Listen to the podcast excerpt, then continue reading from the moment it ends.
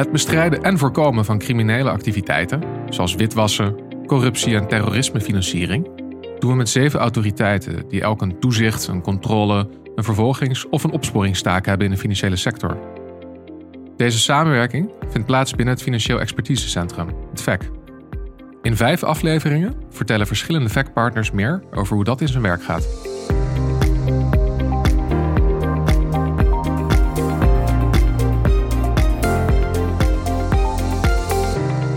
Je luistert naar de vijfde aflevering.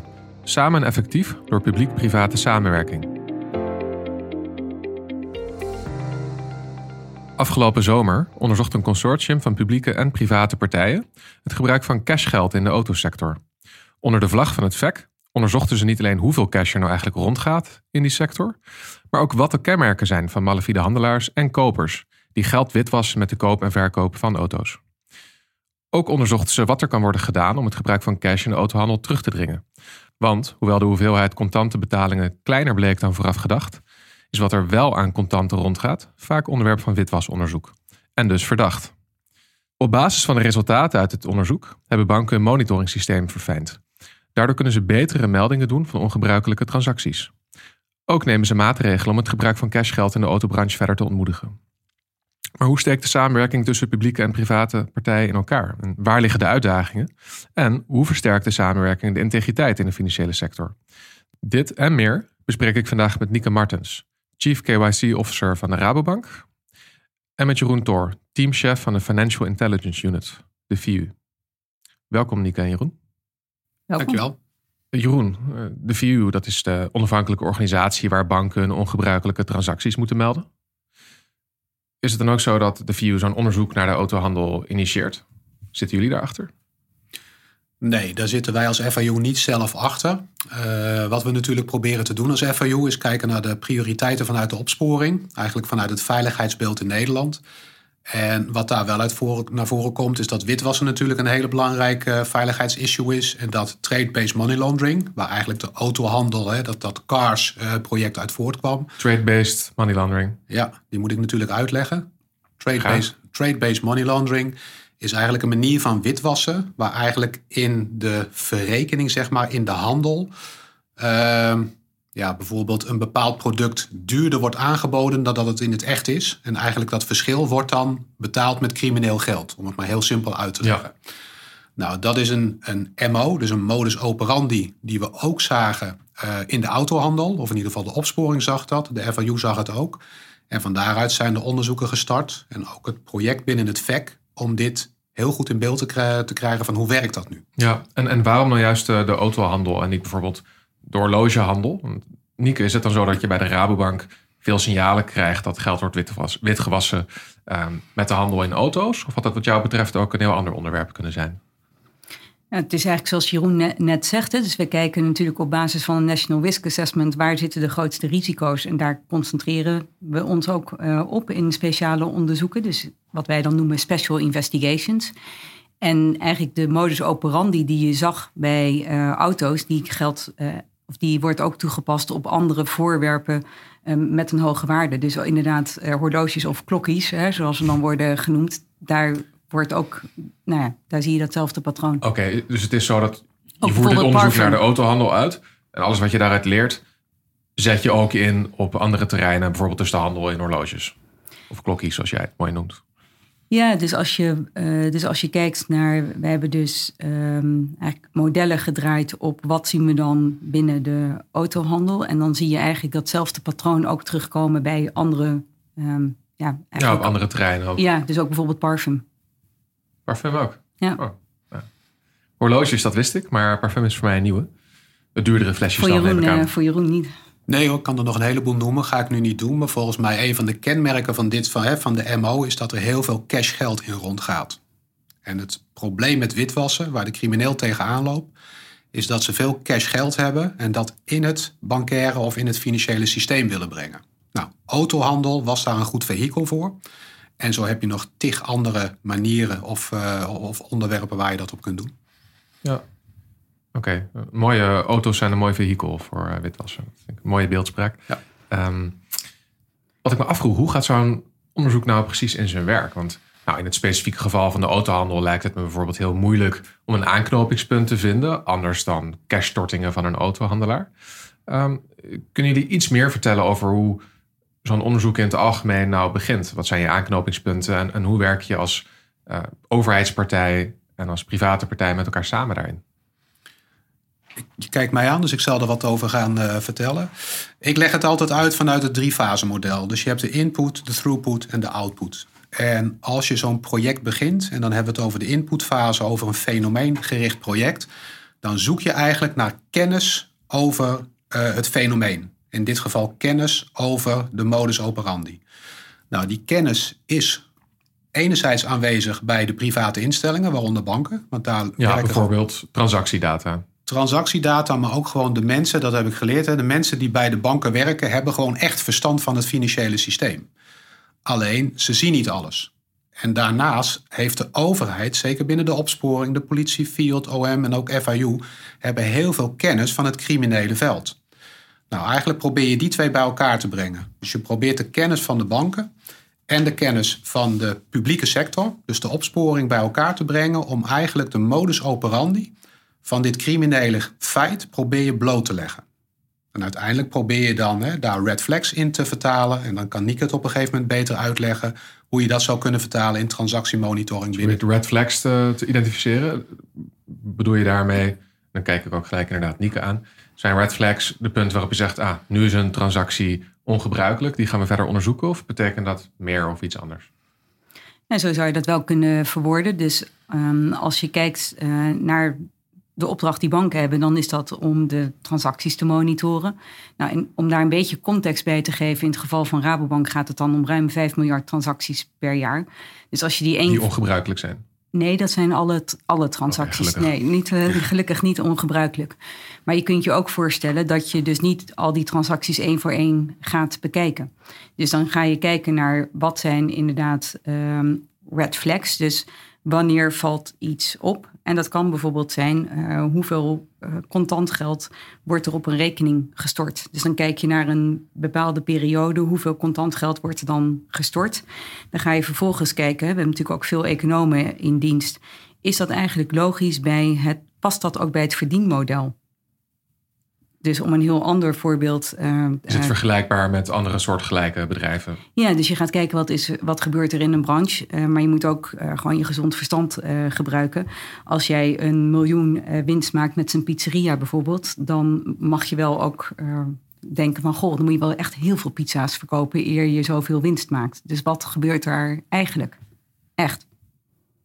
Ja, of hele dure pizza's, maar dat is ook onwaarschijnlijk, denk ik. Ja, als econoom zeg ik dan ook wel, reken maar even door, daar kom je niet zo heel snel aan. Nee. En op basis van het onderzoek, wat ik net ook al noemde, uh, hebben banken hun monitoringssystemen dan aangepast om beter in staat te zijn om gebruikelijke transacties te identificeren. Nieke, betekent dat dat de Rabobank dan meer ongebruikelijke transacties weet te identificeren dan voorheen? Of is het zo dat je juist minder, maar betere uh, meldingen doet van ongebruikelijke transacties? Ik zou hier nadruk leggen op de kennis die we hebben vergaard. En er was een soort common understanding van in de handel met, met tweedehands auto's, dan is het gebruik van cashgeld eigenlijk heel gebruikelijk. Dus dat is niet apart. Wat uit dit onderzoek kwam, was dat is niet zo. Dus dat kun je wel denken, maar als je naar de feiten kijkt, dan zit dat anders in elkaar. Dus dat betekent dat op het moment dat er wel sprake is van cash, dat er een echt wel een reden is om extra goed te kijken. Ja, dus je bent je beter bewust van gaat er cash om in die autohandel. Dacht eerst dat het normaal was, maar dat is het eigenlijk niet.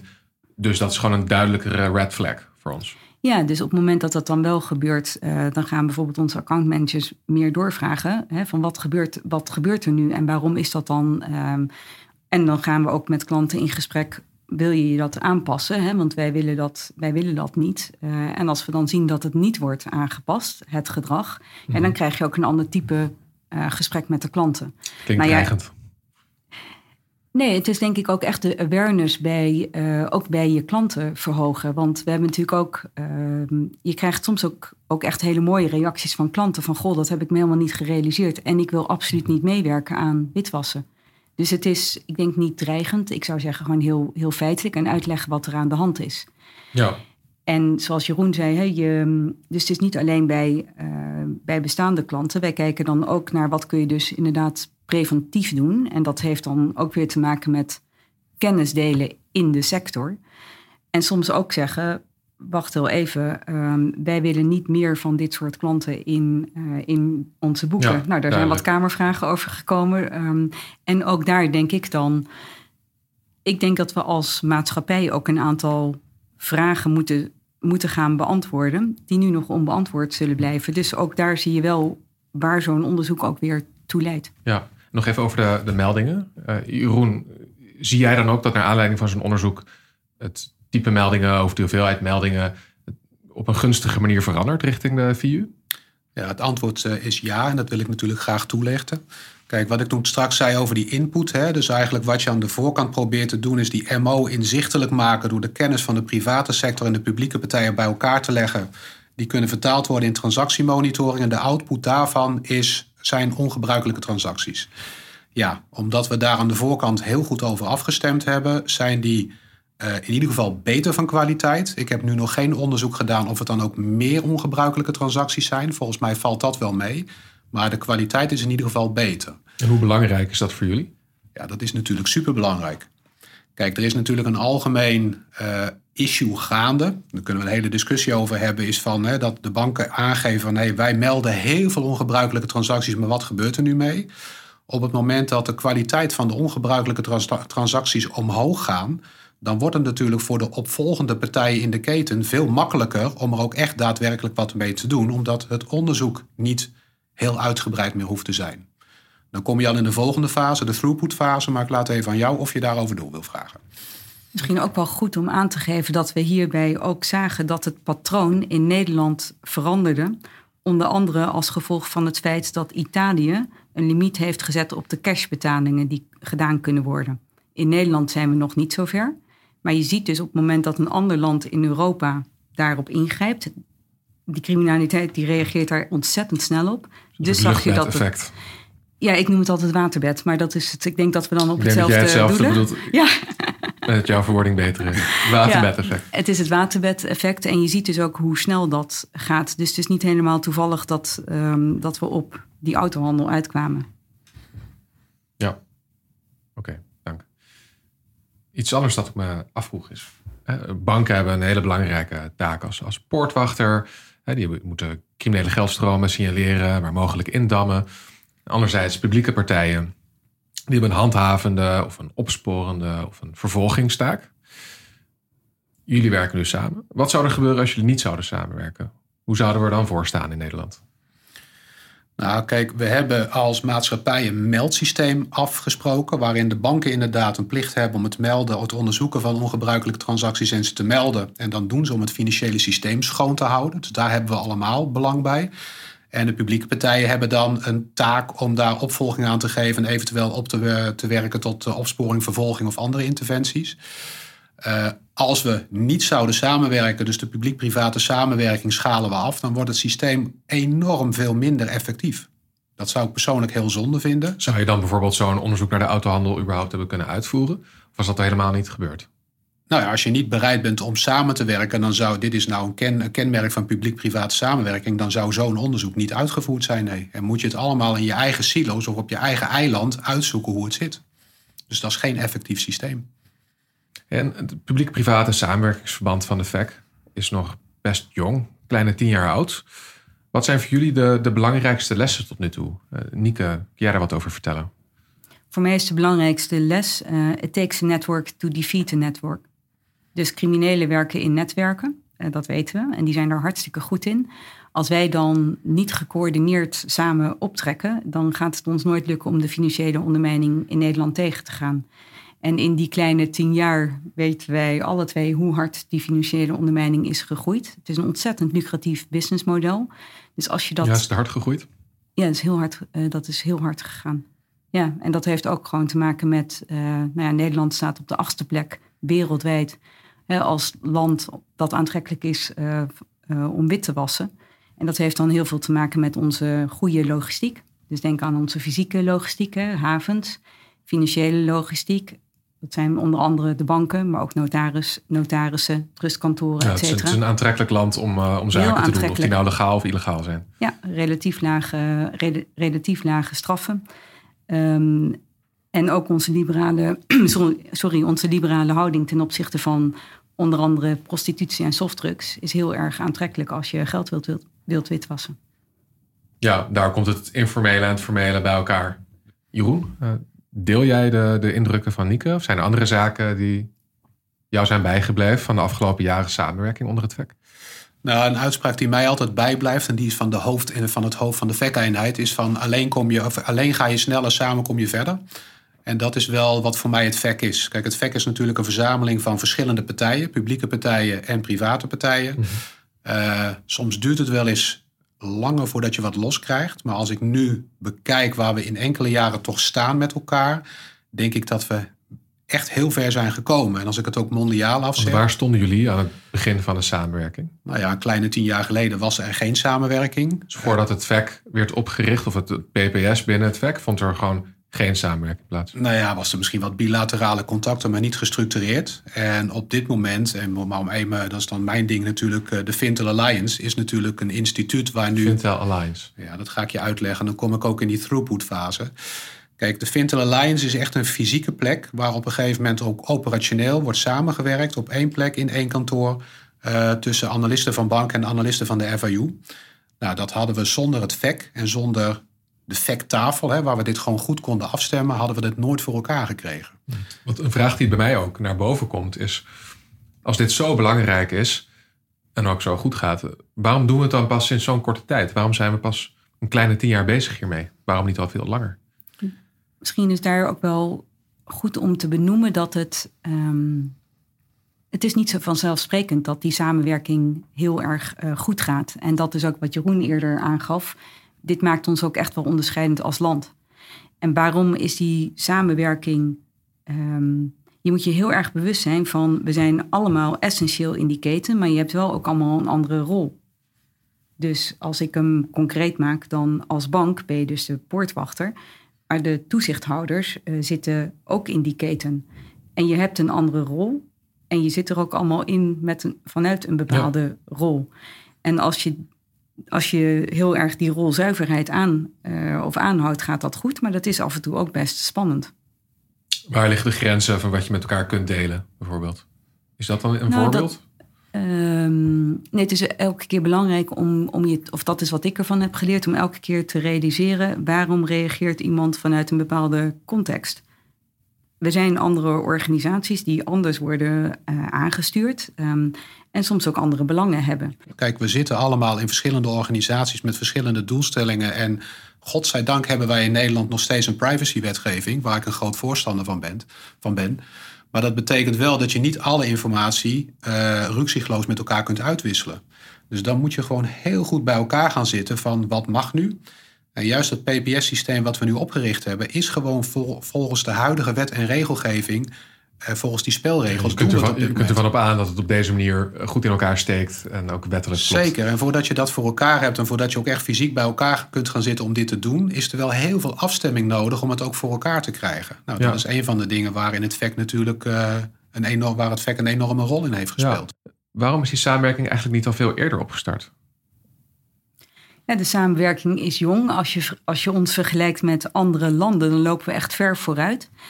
En waarom is dat dan? Uh, dat is omdat we elkaar in Nederland goed weten te vinden met respect voor elkaars rol. En dat is dan één zinnetje en dat klinkt heel logisch.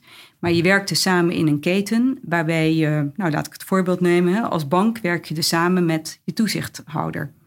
En je, het is heel belangrijk om daarbij dus elkaars rollen te respecteren, omdat je elkaar nodig hebt om uiteindelijk die financiële ondermijning tegen te gaan. En tegelijkertijd ben je, zijn, of representeren we verschillende organisaties die ook verschillend worden gestuurd, soms verschillende belangen hebben. Mm-hmm. En die context goed begrijpen. Ik denk dat we daar in Nederland echt heel goed in zijn geslaagd. En daar ben ik ook trots op.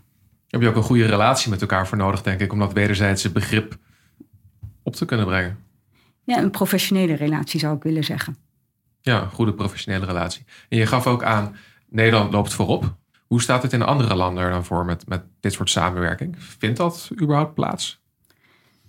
Ja, ik was onlangs op een, bij een forum en als ik dan vertel over wat we aan het doen zijn in Nederland uh, met TMNL en dan zeker ook in combinatie met de Fintel Alliance. Hè, dus TMNL is uh, de gezamenlijke monitor, monitoring van multibank alerts door vijf Nederlandse banken. Waar we nu een pilot tegenaan hebben gezet met de Fintel Alliance. Dat gaat om het uh, detecteren van ongebruikelijke transacties. Ja, ja en dan, dan is er echt alom ja, eigenlijk bewondering, maar ook van hoe kunnen wij dat ook voor elkaar krijgen. En een van de conclusies is dan wel, het helpt wel als je een kleiner land bent, waar het aantal banken bijvoorbeeld relatief overzichtelijk is en waarin de partijen elkaar kennen. Dus er zijn ook uh, landen met veel meer verschillende toezichthouders. Hè. Denk bijvoorbeeld aan de US. Heb je ook veel meer banken. Daar zou dat veel ingewikkelder zijn om dat bij elkaar ja, te Ja, het is meer versnipperd al als Ja. uitgangspositie. Ja, Dus het is ook wel heel handig om een klein land te zijn eigenlijk. Ik denk dat we, of ik denk dat het ook echt ons echt ook eh, kansen biedt. Want ik noemde ook al wel, ehm, we zijn ook als land, staan we wel echt op een veel te hoge pla- plaats. Hè, als land dat aantrekkelijk is voor witwassen. Dus het is ook geen, in die zin denk ik ook geen toeval. Wij moeten wel. Want er is wat aan Ja. de hand in Nederland. En we moeten wel, want we staan er in eh, witwasopzicht niet al te best voor. Als je, in- Nee, in- voorzichtige aan de inschatting 16 16 miljard vind ik wel heel veel geld. 16 miljard dat jaarlijks Ja. wordt witgewassen in Nederland. Ja, en dan hebben we het nog niet over de, hè, ook de effecten op de samenleving. Hè, ik zeg wel eens, ja, weet je, het feit dat Mark Rutte nu niet meer op zijn fietsje naar zijn werk kan. Ehm, maar ook alle slachtoffers van mensenhandel, et cetera. Ja, die kun je wat moeilijker in, in cijfers uitdrukken, maar is misschien nog wel erger. Ja, er zijn dus flinke uitdagingen, ook specifiek, specifiek voor Nederland, kunnen we Zeker. stellen. En wat is er nou nog nodig om, om de samenwerking binnen het VEC tussen publiek en privaat verder te verbeteren? Kun jij er iets over zeggen, Jeroen? Wat moet er gebeuren? Nou, volgens mij moet je vooral doorgaan met waar je mee bezig bent. Ik denk dat we nu een goed eh, framework hebben neergezet. En als je dan ook even naar het internationale, om daarop aan te vullen. We hebben in het verleden ook gekeken naar bijvoorbeeld de UK. Die hebben een Gymlit model. Wij hebben zelf als FAU gekeken naar Australië. Die hebben een Austrac model. Wat betekent dat allemaal? Ja, dat zijn allemaal eh, joint money laundering, investigation. Het zijn samenwerkingsverbanden op, op Laat onderzoeksniveau. ik zo zeggen, in, het zijn samenwerkingsverbanden in de, andere, in de andere landen. En de mensen uit de PPS-wereld die kennen dan een Gymlit en een Austrac. Kennen ze waarschijnlijk wel, omdat dat wel modellen waren die bekend waren en voorop liepen. Dat, dat zijn gewoon welbekende samenwerkingsverbanden. ja, nou, Als je de, thuis bent in, in dat gedeelte. voor de Intimi zijn dat bekende samenwerkingsverbanden. Een punt wat ik wil maken is, denk dat, ik denk dat wij in Nederland gewoon verder zijn dan die modellen. Dus ik denk eigenlijk echt dat wij in Nederland koploper zijn in de wereld. En ik weet nog dat ik recent een keer een presentatie mocht houden hè, over TMNL en de verbinding met Fintel Alliance. En dan binnen Serious Crime Task Force en wat we allemaal hebben eh, voor de Duitse FIU's. En die kwamen echt terug van ja, jullie zijn zo ver. Dat krijgen wij in Duitsland gewoon op dit moment nog niet voor elkaar om dit zo ver te brengen. Dus dat Nee. zegt ook wel wat. En dat, dat zegt wat en dat voelt waarschijnlijk ook heel goed. En tegelijkertijd kan ik me ook voorstellen dat er ook voor het VEC nog veel te bereiken is. Precies, en dat was jouw vraag Wil inderdaad. jij eens hè, een van- ideaal beeld schetsen? Hoe, hoe staat het VEC er in een ideale wereld over tien jaar voor? En, wat doen ze dan om criminaliteit te beteugelen? Nou, je zou bijna kunnen zeggen, in een ideale wereld heeft het VEC zich over tien jaar opgeheven. Omdat de partijen die nu in het VEC zitten, in hun staande organisaties het zo goed met elkaar geregeld hebben dat je eigenlijk geen VEC meer nodig hebt. Dat is wat mij betreft, hoeft dat niet. Want het VEC is op dit moment nog een hele goede partij waar je alle partijen aan tafel krijgt. Maar dan is het eigenlijk een tafel waar je eh, alle issues die spelen in de publiek-private samenwerking en het veilig houden van ons financiële systeem op tafel kunt blijven leggen. Het is zo normaal geworden om samen te werken dat er geen officieel samenwerkingsverband meer nodig is. Dat is wat je zegt. Nou, dat is een utopie, dat zul je niet bereiken. Maar dat zou wel waar, moeten zijn waarnaar je zou moeten streven. En volgens mij, hè, wat daartussen moet zitten, is dat het de fundamenten die we nu gelegd hebben, dat die eigenlijk opgeschaald worden inderdaad naar de staande organisaties. Dat zou voor Ja. mij voor de komende tijd een ideaal situatie zijn. En, en deel je het utopisch ideaalbeeld, Nieke? En het realistische dat daar eh, door Jeroen achter wordt genoemd? Ik zat daar net over na te denken. Voor mij zit het, wanneer is dit eh, een succes? Hè? Of wanneer kan dit, ehm, of wat, waar droom je over? Dat Nederland een stuk minder aantrekkelijk wordt als land om wit te wassen. Dus ik zit dan heel erg op het resultaat. Is het En- een haalbare kaart volgens jou? Je noemt ook dat, inderdaad dat het een groeiend probleem is in Nederland. ja, als we ook weer samenwerken in die keten en daar allemaal dezelfde beweging maken, dan denk ik zeker dat we daar echt een flinke slag kunnen maken en dat we dat ook moeten doen. Want het is wel echt vijf over twaalf als je kijkt naar wat er uh, gebeurt. Vijf over twaalf. Ja. ja. Die impact is veel groter dan, en ik denk die impact op Nederland is veel groter dan ook de meeste mensen zich uh, realiseren. En ik weet ook wel dat op het moment dat je hier je, of je, dat je hier de hele tijd mee bezig bent, dat je mensbeeld wat gekleurd uh, raakt. Maar er is wel echt iets aan de hand. En die effectiviteit van hoe, we, uh, van hoe we nu samen optrekken, daar zou ik nog wel graag een volgende stap in willen maken. Dus wat ik net ook zei, ik ben heel trots op wat we tot nu toe doen. Maar uiteindelijk, als je nu aan de criminaliteit vraagt hoe effectief is samen effectief, dan maken ze zich daar nog niet enorm zorgen over. En dat zou ik graag willen dat de criminelen zich zorgen gaan maken om ons. Ik hoop dat het over tien jaar ook zo is. Ik hoop een stuk eerder. Nika en Jeroen, ik uh, dank jullie wel voor jullie komst. En voor de luisteraar, mocht je meer willen weten van het VEC, abonneer je dan op de podcast of neem eens een kijkje op de website. Dat is vec-partners.nl. Dank voor het luisteren.